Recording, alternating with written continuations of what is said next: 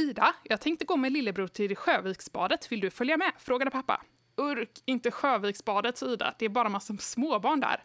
Pappa satte sig bredvid Ida och plockade upp Panda Panda. Det är ju jättehärligt med småbarn. Nej, de är bara äckliga. De har glass i hela ansiktet och munnen full av sand, sa Ida.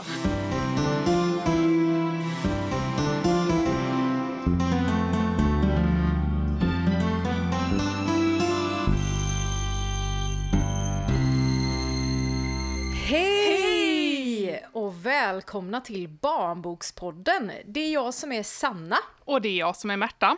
Och idag så ska vi prata om en serie böcker, Hokus Pokus-serien av Fabian Göransson. Ja, Utgiven på Galago. Vi kommer prata om de två första böckerna i serien och de kommer ju då ut eh, i år och är 6 till 9 år i målgrupp.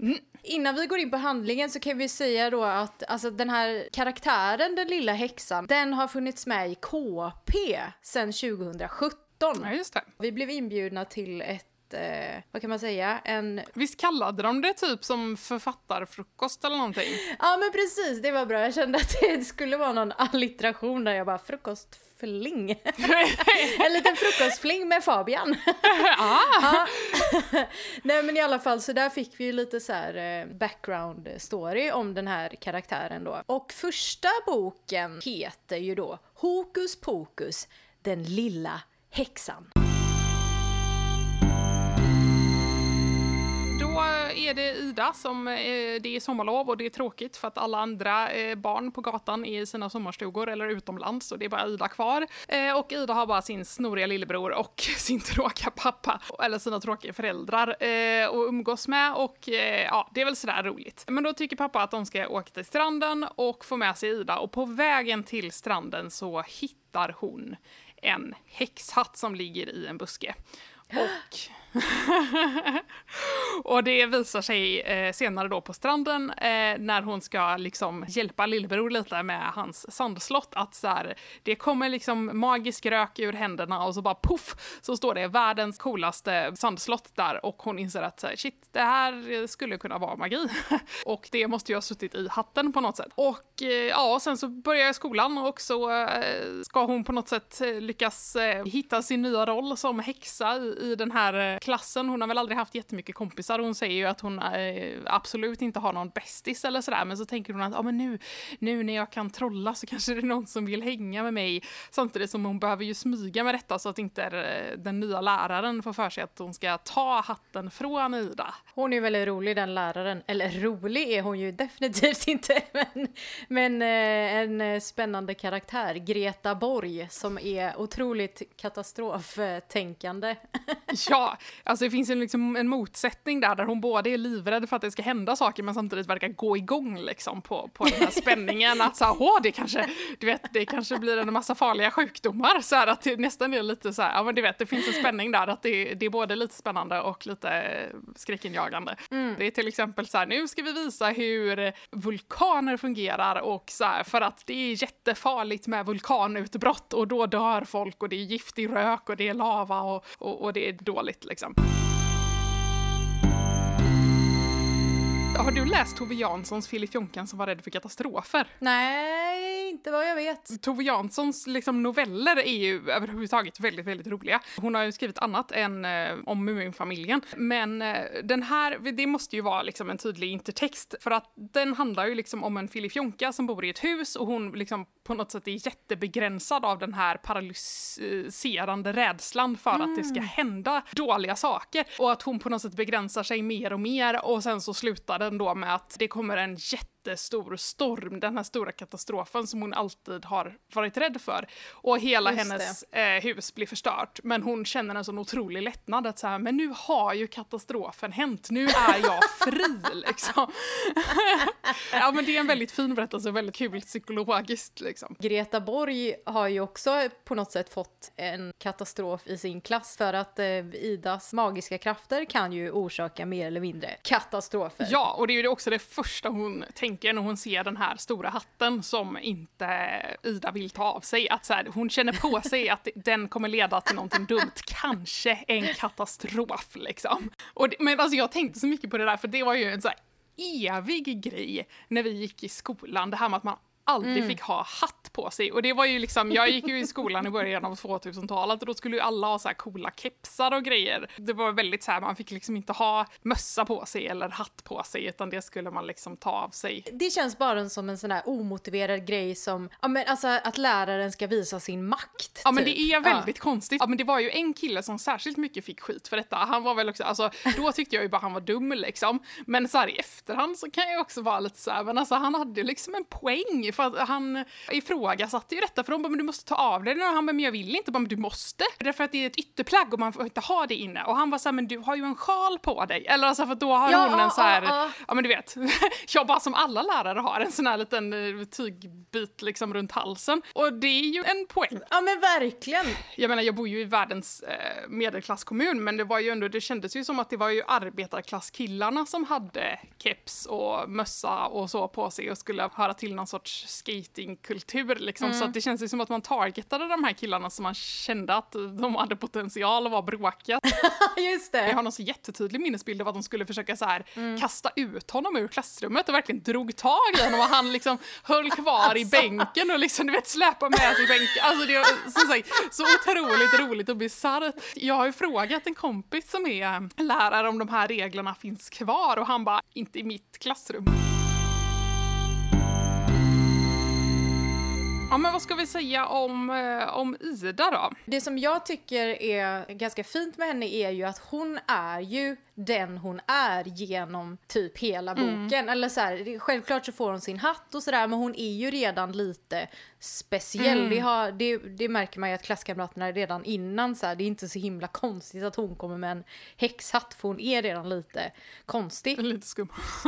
alltså hon ändrar ju inte på sig. Hon har ju svårt för att hitta vänner. Mm. Lösningen blir, som Fabian har kommit fram till då, är ju inte att Ida måste ändra på sig utan det är ju de andra klasskamraterna som till slut liksom liksom bara såhär, ja ja men det kanske är ganska coolt ändå med att du är lite konstig mm. och sådär. Eh, och det tycker jag är fint. Ja, även om hon är utanför så får man ju inte känslan av att hon aktivt söker upp de andra eleverna på skolan. Nej. Hon gör ju något försök där i början med att så söka upp några tjejer på stranden och det går ju sådär kan vi säga. De tycker att hon är jättekonstig och bara “jag ska säga till mamma” hon bara mm. Alltså man bara ser hur Ida bara krymper och bara går och sätter sig hos pappa och pappa bara “vill inte tjejerna leka?” och man bara oh. Och du vet man känner ju ont det gör i magen för att man bara, ja men du vet hade man varit i Idas position så hade man bara “vi pratar inte om detta mer”. När barnen väl kommer fram till att Ida kan trolla så är det ju, alltså de, hon blir ju någon sorts önskebrunn. Eller alltså att de, de springer mm. liksom fram till henne mm. och bara Åh, kan du trolla det här och kan du trolla det här? Så att fokuset blir ju väldigt mycket på Idas förmågor och då blir ju Ida då som är van vid att vara lite i bakgrunden jättestressad utav detta helt uppenbart och är mm. liksom så här, då vill hon, hon dra sig undan och bara, det var inte så kul med uppmärksamhet eller liksom nu har jag fått tillräckligt med uppmärksamhet för idag, nu ska jag nog sitta här för mig själv lite.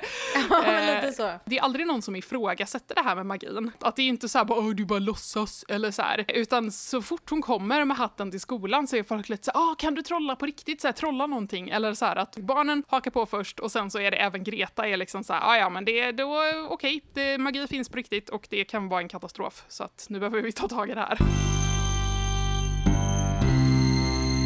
Vi ska ju komma in på den andra boken också, men eh, så här långt, what do you think about Aida? Hocus pocus. Nej men jag tyckte jättemycket om den här. Eh, och jag tyckte mm. väldigt mycket om att han använde någon sorts vad ska man säga, alltså det är ju inte riktigt ett cirkelberättande men det är liknande händelser och scener som kommer igen mm. fast har en annan eh, inramning eller en, får en annan effekt på berättelsen och sånt gillar jag. sånt är jag lite svag för. När hon tar den här badbollen och ska försöka ah. ta kontakt med de här tjejerna och låtsas att hon är ett sjömonster och sen så kommer den leken igen på skolgården men får liksom andra resultat. Precis! Han är otroligt bra på att knyta ihop säcken. Mm. Det har jag skrivit här. Konsten att knyta ihop säcken, den kan Fabian. Aha, ja, men det får man verkligen säga. Och jag tänker också så här, ett annat eh, exempel som jag tyckte var så väldigt fint, det är att precis i början här så pratar pappa genom hennes nallebjörn. Mm. Då stack hennes pappa in huvudet genom dörren. Ida, jag tänkte gå med lillebror till Sjöviksbadet, vill du följa med? frågade pappa. Urk, inte Sjöviksbadet, Ida, det är bara massa småbarn där. Pappa satte sig bredvid Ida och plockade upp Panda Panda. Det är ju jättehärligt med småbarn. Nej, de är bara äckliga. Jag har glass i hela ansiktet och munnen full av sand, sa Ida. så, och då försöker han ju muntra upp henne och då får han ju också med sig Ida. När Greta sen har vunnit och tagit ifrån Ida den här häxhatten och dessutom lämnat in den till polisen mm. så att Ida blir av med den för alltid så kommer den här scenen igen men i en mycket mörkare setting då när Ida är helt förtvivlad och pappa kommer in. Eh, pappa tog upp Panda Panda och sa Äsch, den där hatten var ju ändå så omodern. Du skulle passa fint i en snygg basker. Då reser sig Ida upp ur sängen, rycker Panda Panda ur pappas hand och skriker ut härifrån, jag vill vara ensam. Pappa gick ut igen. Ensam, ropade hon efter honom. Det är precis vad jag kommer vara resten av livet. Ja, men jag blev jätteimponerad av just det här att han återanvänder saker. Alltså jag lärde mig typ mycket på det som jag kommer ta med mig i mitt eget skrivande. Mm. Ibland när man läser en bok så vet man inte riktigt så här vad den ska ta vägen mm. och hur bra den kommer vara när man väl har läst klart den. Men här mm. blev jag så jäkla nöjd! Den här scenen där pappan blir liksom avsnäst av Ida, det tycker jag ju kanske är den finaste scenen i hela boken. Alltså som vuxen så känner man ju hur ont det gör. Mm. Som vuxen så läser man ju nästan på två plan, det gör man säkert som barn också, att man uppfattar att han är ledsen liksom. Jag tänker att man kan sympatisera med just det här, att den här maktlösheten som pappa känner, att så här, men jag vill så gärna kunna göra någonting men nu är hon bottenlöst ledsen. Mm. Och så Idas stora sorg liksom. Vad ska man säga, hennes förtvivlan är ju också lite rolig, eh, för efter den här här scenen när hon kommer till skolan sen och, och, tycker att allting är hopplöst så bestämmer hon sig för att hon ska, liksom, hon ska vara ensam resten av livet. Mm. Eh, hon gick runt skolan till baksidan av den röda byggnaden. Där var det mörkt och skuggigt. Där fanns inga barn och inget att leka med. Bara en dörr där lådorna till skolmaten levererades. Ida satte sig mot staketet mitt emot huset och drog upp knäna under hakan. Här ska jag sitta alldeles ensam så länge jag går i den här skolan, tänkte hon och när jag börjar en ny skola ska jag hitta ett annat mörkt ställe där jag kan sitta varje rast. För det är ändå ingen idé att försöka bli kompis med någon någonsin, för det går ändå bara åt skogen. Så, Gud, jag kommer ihåg såna löften Exakt. man typ sen när man var riktigt sur när man var liten. jag ska aldrig leka med dig mer! Jag fyllde år, jag tror jag gick i typ femman eller något sånt där. Jag eh, är ju född då 11 och 11, alltså klockslaget 11 och 11. Mm. och så var det någon sån där grej att liksom det ringde in från rasten typ så här 10 minuter över 11 och så ville väl jag bara wow, jag ville vänta typ någon minut så här, på att eh, så här, oh, jag fyller år, eller ja, man får, fick ju absolut inte komma för sent in på rasten. Ah, det vill säga att det ringde in lite tidigare då, man kan ju fan inte springa in direkt. Men jag kom i alla fall lite sent in så att liksom när klockan var 11 och 11 då skällde min fröken mm. ut mig. På min födelsedag och jag bara så här, jag ska banne mig aldrig prata med henne mer liksom. Jag hade bara en fröken så det är liksom såhär. så lycka till! Ja, ja, men det, och det är ju det, det höll ju inte länge liksom. Nu ska vi hoppa till vad bok nummer två handlar om då. Ja, det tycker jag. Då heter bok nummer två Hokus pokus de tre paddorna. Ida har ju då nu lovat att hon inte ska använda trolleri mer men hon får ju ändå då på sig sin häxhatt. De är inte så många som går i Idas klass. Det är ganska så här liten skara folk så att man kan ha koll på dem typ. Men då går det i alla fall tre, tre trillingar, säger man så då? Alla tre är trillingar. Ja, det är de ju. Eller, Eller alltså det kan ju ja. inte bara vara en person som är trilling, det blir ju jättekonstigt. Tre barn som är trillingar och de tycker ju inte om det här med att Ida har sin hatt på sig. Ida tar ju aldrig av sig den så de typ så här trissar upp varandra om liksom vad som kan gömma sig inne i hennes eh, hatt liksom, så här massa äckligheter och, och grejer typ. Och så försöker de ju få med sig då resten av klasskamraterna att då förbjuda mm. Idas hattbärande. Och sen så börjar det en, en ny tjej i Idas klass, Ester, som har eh, minst sagt livlig fantasi. En rolig prick. Ja. Eh, och de försöker ju till och med då varna Ester för Ida, mm. liksom lägga beslag på henne direkt och bara så här, oh, man får inte riktigt eh, höra exakt vad de säger till Ester, men Ida ser liksom, oh, nu pratar de skit om mig. Mm. Men Ester väljer ju en annan väg. Hon blir ju fascinerad av att Ida är häxa. Och så fort de börjar prata med varandra, Ida och Ester, så kan de ju typ inte sluta. Nej, det bara klickar liksom. Much made in heaven. Så de liksom pratar och pratar och pratar, till och med så på vägen hem så bara tar de sällskap utan att, alltså så här, de har inte ens sagt att de ska ta sällskap, det bara liksom faller sig naturligt. Mm. Och så kommer de till den stora skogen där man väldigt enkelt går vilse och de bara "Åh, Gud, vi måste ju starta en hemlig klubb. Som man gör. Exakt som man gör. Och, eh, och bygga en koja och du vet, och bara så här smider planer direkt. Vilket ju, ja precis, det är igenkänning all over the place. Och Ida är ju överlycklig. Hon har fått en vän. Men nästa dag då så vaknar Ida upp sjuk. Och under de dagarna som Ida är hemma då från skolan så lyckas de här trillingarna övertala Ester att Idas magi faktiskt är farlig. Så när Ida kommer tillbaka så är hon ju liksom sjukt jävla ledsen och förtvivlad över att så här, de här jävla trillingarna har tagit ifrån henne hennes första och enda chans till vänskap. Alltså åh det är så hemskt! Och det som händer då är ju att, för Ida kan ju inte riktigt styra över de här magiska krafterna så hon håller ju fortfarande på att hitta sig själv som häxa. Ja. Nej men så att den här sorgen och ilskan bubblar ju liksom ur Ida. Precis som när hon trollar fram det här sandslottet så kommer det ju liksom massa rök. Och poff så har hon förvandlat trillingarna. Till tre paddor kan man ju sluta sig då av titeln. Och eh, då börjar ju Ester, alltså jag tänker så här, hon blir ju inte så skrämd av detta som hon kanske borde blivit.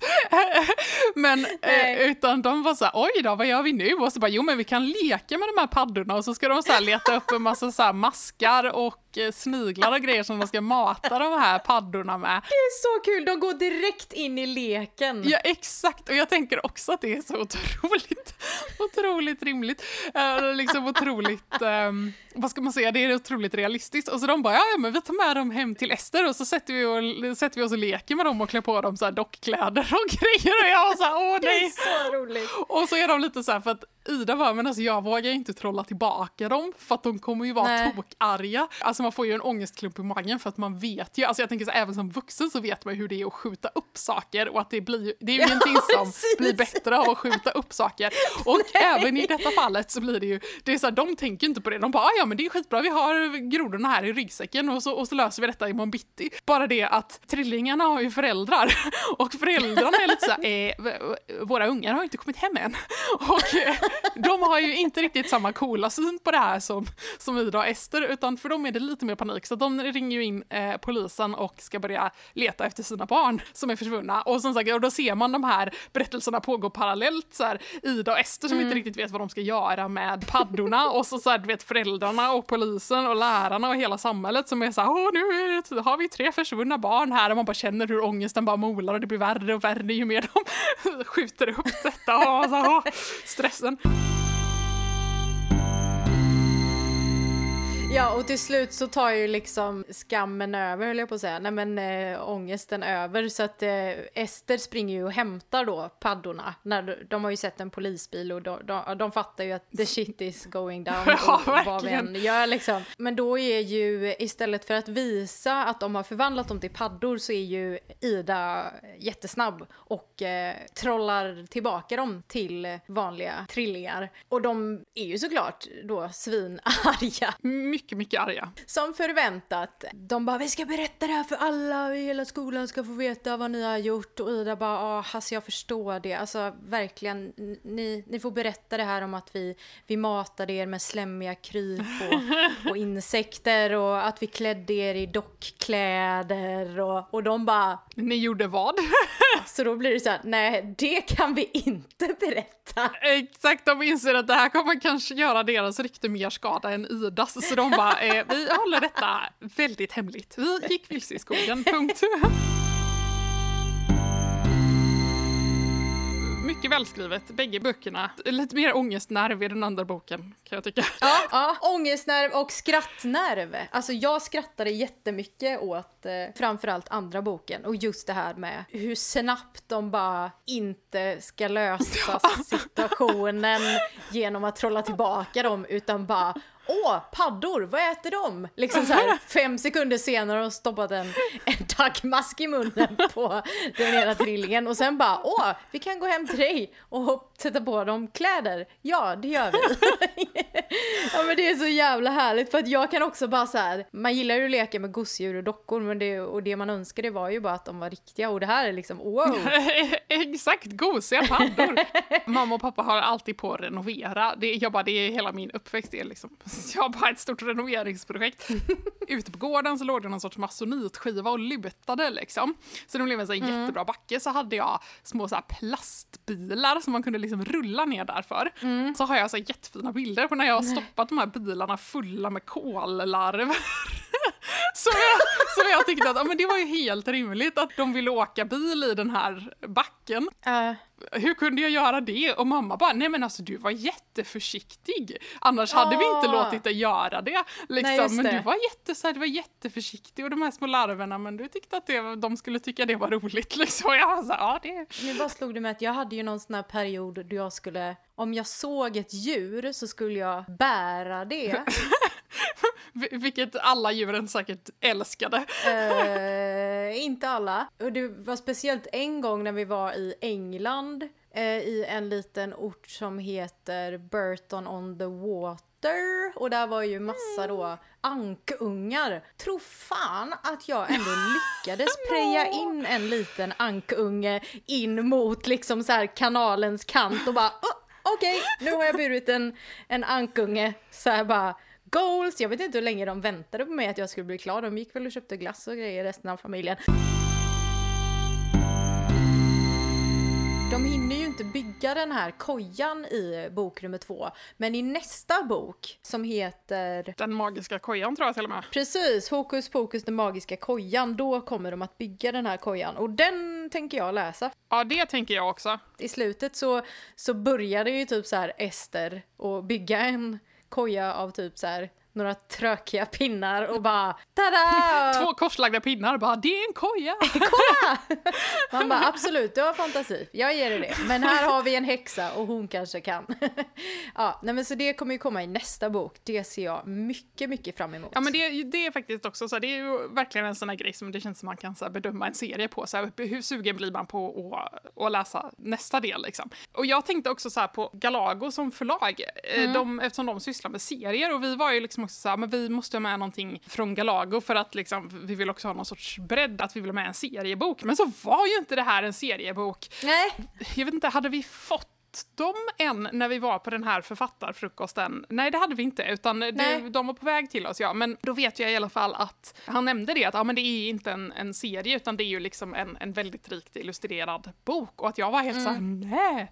Men sen så motiverade han ju det då med att det är för att det är skitsvårt att högläsa en seriebok, utan att då funkar det mycket bättre med liksom textsjok. Och jag var såhär, okej okay, jag köper väl det. Eller så, här, så först var jag lite besviken, men sen så var jag så här, ah, ja men det, det var faktiskt en rimlig motivering så att säga. Precis, men ändå så har han ju, alltså texten är ju placerad i, det är ju inte pratbubblor är det ju inte, men det är ju som alltså vita block som är liksom utplacerade på de helillustrerade uppslagen. Exakt. Och han sa ju också att han hade liksom försökt att placera ut dem liksom strategiskt så att man ändå kunde typ se bilderna väldigt enkelt mm. samtidigt som man läste. Alltså typ, ofta så är ju kanske det är ett jättestort eh, textblock liksom i eh, nederdelen av eh, ett uppslag säger vi. Och då liksom måste man hela tiden flacka upp med blicken eller liksom så för mm. att se bilderna men att han liksom så placerade ut dem lite mer spritt så, det finns det ju bilderböcker som gör också, absolut. Men alltså att han verkligen tänkte på det. Och att man får ju ändå lite känslan av serie just oh, för att ja. det påminner ju om de här pratbubblorna, även om det inte är det. Mm. Bilderna är ju helt underbara.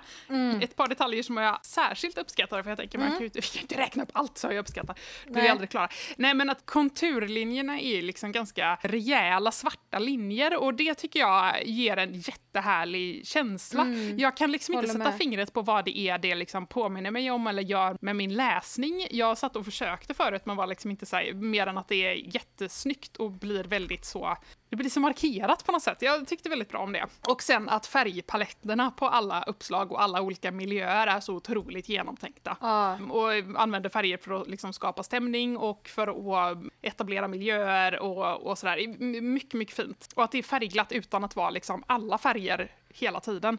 Men för jag får också lite så här gammeldagskänsla. Exakt.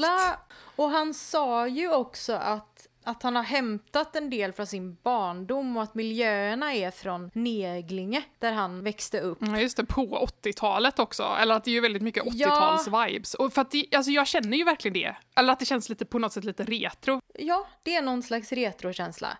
Och också så är det ju att föräldrarna röker och, och dricker väldigt explicit. Ja, till och med den här. Greta som är så här svinrädd för allting, alla sjukdomar, allting står och så här tycker att ja men det är jätterimligt när jag ska illustrera den här vulkanröken så gör jag det med min cigarett liksom. Ja, precis! Man bara japp. Det är ju väldigt medvetet sa ju Fabian, alltså så här, han ville ha en ruffig ton. Mm. Jag har gått och tänkt på, sen det var den här författarfrukosten, han fick frågan av, jag tänkte säga sin förläggare kanske, men den här kvinnan som var där och eh, vad ska man säga, höll i detta och var moderator, vad han hade för häxförebilder. Och han blev helt ställd och var så här, jag vet inte vad det finns för häxor. Eh, Ah. typ. Eller han var så här, ja men de flesta har ju inte ett namn. Och att det var väldigt uppenbart att han tänkte på den här folksagehäxan liksom. För han bara, ja det finns ju, Baba Yaga är ju ett namn men jag vet inte liksom sådär. Och nu vet ju alla människor att man inte tänker snabbast när man har en kamera i facet.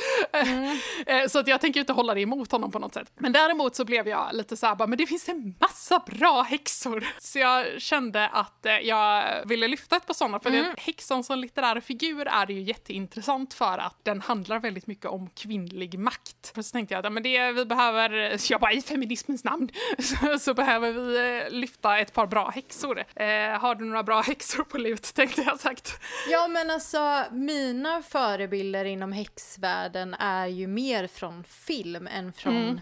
litteratur. Och liksom högst upp på listan, där är ju Sabrina. Ja, just det. Tonårshäxan, det är ju liksom min absolut största förebild. Kanske inte bara inom häxvärlden.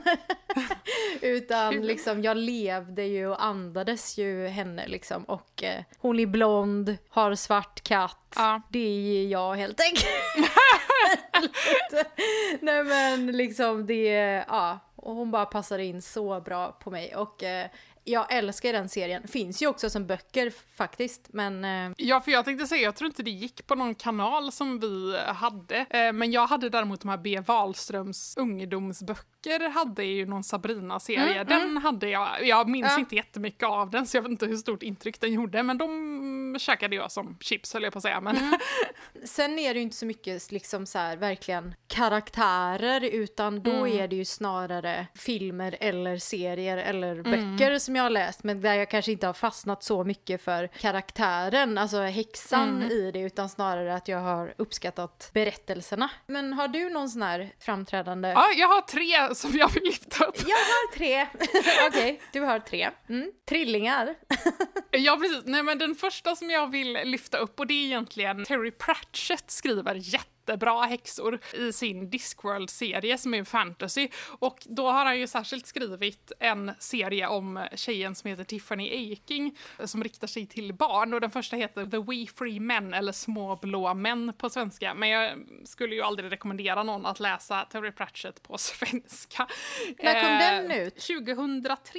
Ja, Okej, det är väldigt intressant för jag kommer återkomma till det här eh, Ah, när spännande. jag vill påstå att häxeran tog slut, höll jag på att säga. Aha. Eller typ utvecklades. Men eh, ja, ja, just det, Ja. 2003. Men bra boktips. Men är det då, är det liksom high fantasy? Ja, det är det ju. Så det Ah, utspelar ju sig i en, en fantasyvärld. Men jag tycker att hon har en så bra, eller alltså det är ju Terry Pratchett då, men genom karaktären Tiffany Aking, för att hon är ju fantastisk som karaktär. Den börjar liksom att hon har insett att hon tror att det bor någon sorts sjömonster i deras typ å som de har där. Och då är hon så ja men då måste jag ju jaga bort den här eller fånga den eller någonting. Så att då bara hon så ja men jag beväpnar mig med en stekpanna och så agnar jag med min lillebror.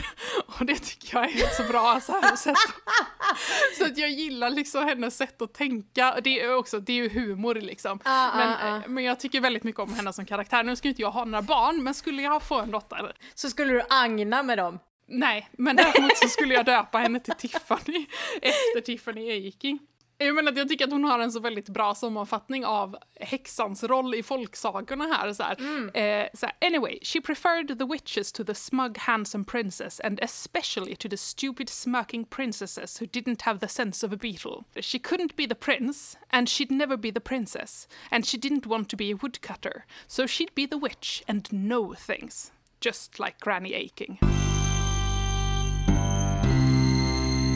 Och sen så har jag två tips på anime-serier om det är någon som eh, tycker om såna, men som jag tycker också gestaltar de här med häxor väldigt bra. Magical Girl Squad Arsu, eller Maho Choyo Tai Arsu, eh, på min jättefina, inte alls brutna japanska. Men eh, hon är ju liksom, alltså tänk hokus pokus, alltså att hon har hittat eller har en sån här häxbok liksom. Men ungarna är lite så här, de ska mobba henne för det liksom. Men hon vill vara en häxa. Men sen så faller hon från en eh, byggnad mot en säker död, men då visar det sig att hon faller istället genom en portal till häxvärlden. Och där visar det sig då att magi är inte alls lika eh, härligt och glatt och lustfyllt som hon har tänkt sig att det ska vara, utan där är det ganska mörkt och man behöver olika delar av älvor för att kunna utföra formler, vilket har lett till en väldigt oetisk jakt på älvor. Oj! Och hon tycker ju att det är helt befängt för att hon bara nej, nej, nej, alltså magi ska göra folk glada och så försöker hon liksom lägga sig i detta och, och försöka styra upp detta, vilket ju inte de ledande häxorna tycker om. Och dessutom så är världen helt könssegregerad i häxor och trollkarlar och däremellan Ah. så råder det någon sorts krig eller i alla fall stor politisk spänning så här, vilket eh, är ganska roligt. Och den är också väldigt estetiskt annorlunda mot andra anime-serier, vilket jag tycker jätte- jättemycket om. Och tips eh, på anime nummer två är Little Witch Academia. Ritoru Witchi Academia. Nej, men... Den lade Eh, till med en annan röst. ja. Det var lite high pitch. Nej men eh, Little Witch Academia eh, som handlar om Atsuko. Hon har sett en häxa framträda med en så här, tänk dig jättesprakande magishow liksom. Eh, när hon var liten och blev helt så här, jag ska bli häxa, jag ska lära mig detta. Så att hon har liksom ansökt och blivit antagen till en häxskola, alltså tänk typ Hogwarts liksom. Trots att hon helt uppenbart saknar fallenhet för magi. Och då springer hon också runt där och är så här så himla positiv och härlig och är så här, ska jag verkligen lyfta upp alla och ska bara, ja ah, men jag ska lära mig detta även om jag, ja men du vet, uppenbarligen är den enda häxan i världshistorien som inte kan flyga på en kvast liksom. Du är ju född 1993. 93. Ja, precis. Och jag tycker ju att den här stora liksom häxboomen som kom, alltså var typ 96-ish. Alltså när typ Sabrina the Teenage Witch kom. Så jag tycker att du, du är ju så här andra generationens häxa. Jag är inte ska- original. jag var ju så här 9-10 liksom när det började booma. Då kom Sabrina the Teenage Witch och sen kom ju också Förhäxad-serien 98. Alltså jag tänker att du var lite för liten för att vara med på den resan. Ja, alltså tv-seriemässigt så kan jag ju eh, inte, och som sagt vi hade ju inga sådana kanaler heller så det har du ju säkert rätt i. Jag, jag skrev upp alla jag kunde komma på. Det är liksom från 96 till, ja men att det typ slutade någonstans med Blair Witch Project vid 99. Alltså det fortsatte ju självklart men sen kom ju liksom Harry Potter och lite mer den, det stuket Ja, av just det. häxor. Men just det här med alltså häxor i vardagen. Alltså mer det här att man lever ett vanligt liv och sen så, men man har också fått magiska krafter. Att det var någon så här mellan 90, 95, 96 till typ 2000 att det lite tog slut där. Vi, alltså så här, eller typ att det var en väldigt stark era just då. Men de filmerna då som jag vill fråga dig om du har sett och som du måste se, alltså Den onda cirkeln 96. Nej. Holy macaroni! Alltså jag har sett den typ hundra gånger och du måste se den. Alltså den är så bra. Men också, ja den här måste du se, det var inte typ min favvo favvo favorit. Men Magiska systrar Nej. med Sandra Bullock och eh, vad fan heter hon? Rödhårig australienare. John Cleese. Nej ska... Hon, eh, Moulin Rouge. Nicole Kidman. Mm. Men Blair Witch. Nej. Nej, men där tog den ju i och för sig en vändning. Där har ju inte häxan, alltså där är ju liksom inte att man utgår från häxans eh, perspektiv, utan där är det ju några som ger sig ut i skogen för att det sägs att det ska finnas en Blair Witch. Ja, men alltså det var ju ett fenomen. Du har väl ändå hört talas om Blair Witch? Nej. Jag känner mig som en barnrumpa här, men Ja, men för det här är ju så, för att det är liksom, internet var ju ingen grej då. nej. 99 höll jag på att säga. Jo, alltså absolut, det fanns väl lite Alta Vista och sådär. Men det var ju, gud, man var ju fortfarande tvungen att ringa upp internet typ. Ja, men exakt. ADSL. Du, du, du, Vi kan lägga in Ja. ljudet här. Go!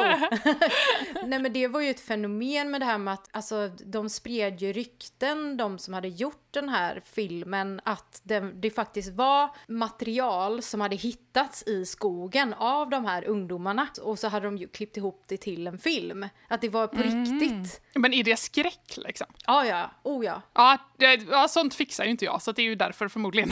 Så den är ju mer åt det hållet och jag fick ju typ inte titta på den så att jag tror det dröjde långt in på 2000-talet innan jag fick titta på den. Men jag är ju mer för det här liksom, som jag var inne på, att är en person som lever ett helt vanligt liv men har magiska krafter och att det inte bara är frid och fröjd utan så här man måste också typ eh, hantera krafterna och det kan gå fel och man har kärleksproblem och så här kan man verkligen använda är det etiskt försvarsbart, försvarsbart, försvarbart att Exakt. eh, göra ett kärlekspotion liksom? Men för både du och jag har ju haft en häxperiod, men hur mycket Ja. trollade du? Om man får fråga det. Oss häxor emellan. Alltså jag var nog inte, alltså jag tror inte jag var så sån. Alltså jag var nog Nej. mer så här örtmedicin och, eh, och sånt och mycket så här spå. Alltså jag skulle ju lära mig det här med att spå i händer och, och såna här grejer. Den Ja. typen av häxgrejer. Jag hade ju någon sån här bok som hette så här magi som beskrev lite olika ritualer och sådär men, men jag kommer liksom aldrig för att göra några såna. Nej. Min häxperiod tog ju slut typ någonstans där när jag började högstadiet eller så här. En bit in när man bara åh vänta nu, ah, killar kanske är lite mer intressanta än typ att tända rökelse. Jag förstår inte, du måste ha haft väldigt bra killar på din skola. nej, oh nej, oh nej. Men jag blev kär i allihop. Ja, men man skulle ju ha mycket kryddor, alltså så här konstiga grejer, alltså som man inte riktigt hade hemma alltid typ. Eller mamma bara, varför är all timjan slut? Man bara, Så bara, jag kanske använt dem för att driva ut en demon. Don't ask. och så stod det ju oftast att man skulle ha liksom färska örter och man bara, uh, tror jag har en jävla herb Tor torka, det blir jättebra. Men svart katt skaffade du i alla fall. Ja men det gjorde jag. Två stycken. Nu hette de ju Puma och Panter men vi var så här, jag och min bror, för han var också så här, åh, coolt liksom. Uh, Belzebub och Mephisto. Nej, Lucifer och Mephisto. Men mamma och pappa bara, nej, Puma och Panter blir bra. Tråkigt att föräldrar ska vara där och försöka reglera roligheterna. för att de vill inte stå och skrika typ Lucifer på kvällen. Mephisto, kom då! Pss, pss, pss, pss. Får jag spå dig? Jättekort. Ja, absolut. Ja, men då undrar jag, har du en tärning? Eh, ja, jag bara, hur många sidor vill du att tärningen ska ha? Det här heter då att spå din framtid med I Ching. Så då ska du slå tärningen sex gånger, men efter varje gång så får du säga då vad det var. Mm. Att spå i I Ching är typ så här att om man har en personlig mycket viktig fråga eller behöver vägledning på något sätt i någonting. Så att innan så ska du helst nu säga då, vad är det du vill veta? Ja, men då vill jag veta hur eh, den närmaste framtiden för Barnbokspodden ser ut. Oh my shit lord, nu hänger allting på dig. En femma, Ja. en etta. Jag känner att det blir så bingo-avsnitt av detta här nu. En etta till. En tvåa. Ja. En fyra. Är det sista gången nu? Ja, nu är det sista. En etta. Håll i dig nu då. Ja. Bestäm dig för vad du vill. Satsa hårt och strunta i andras åsikter. Ska vi ta bort vår mailadress nu då? Eller något. Att man inte, ingen, ingen får kommentera. ja, du tänkte så! Låser alla kommentarer och bara poddar ut i intet.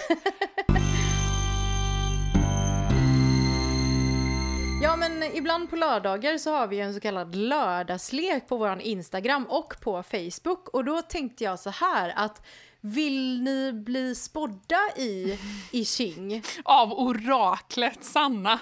Ja, exakt. Orak Nej, häxa för helvete.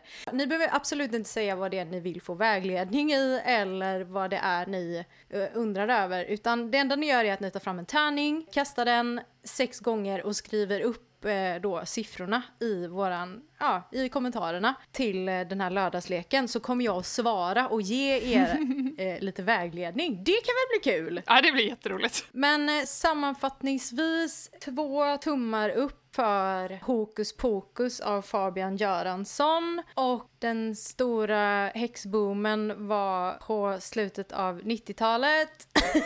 Bankar jag.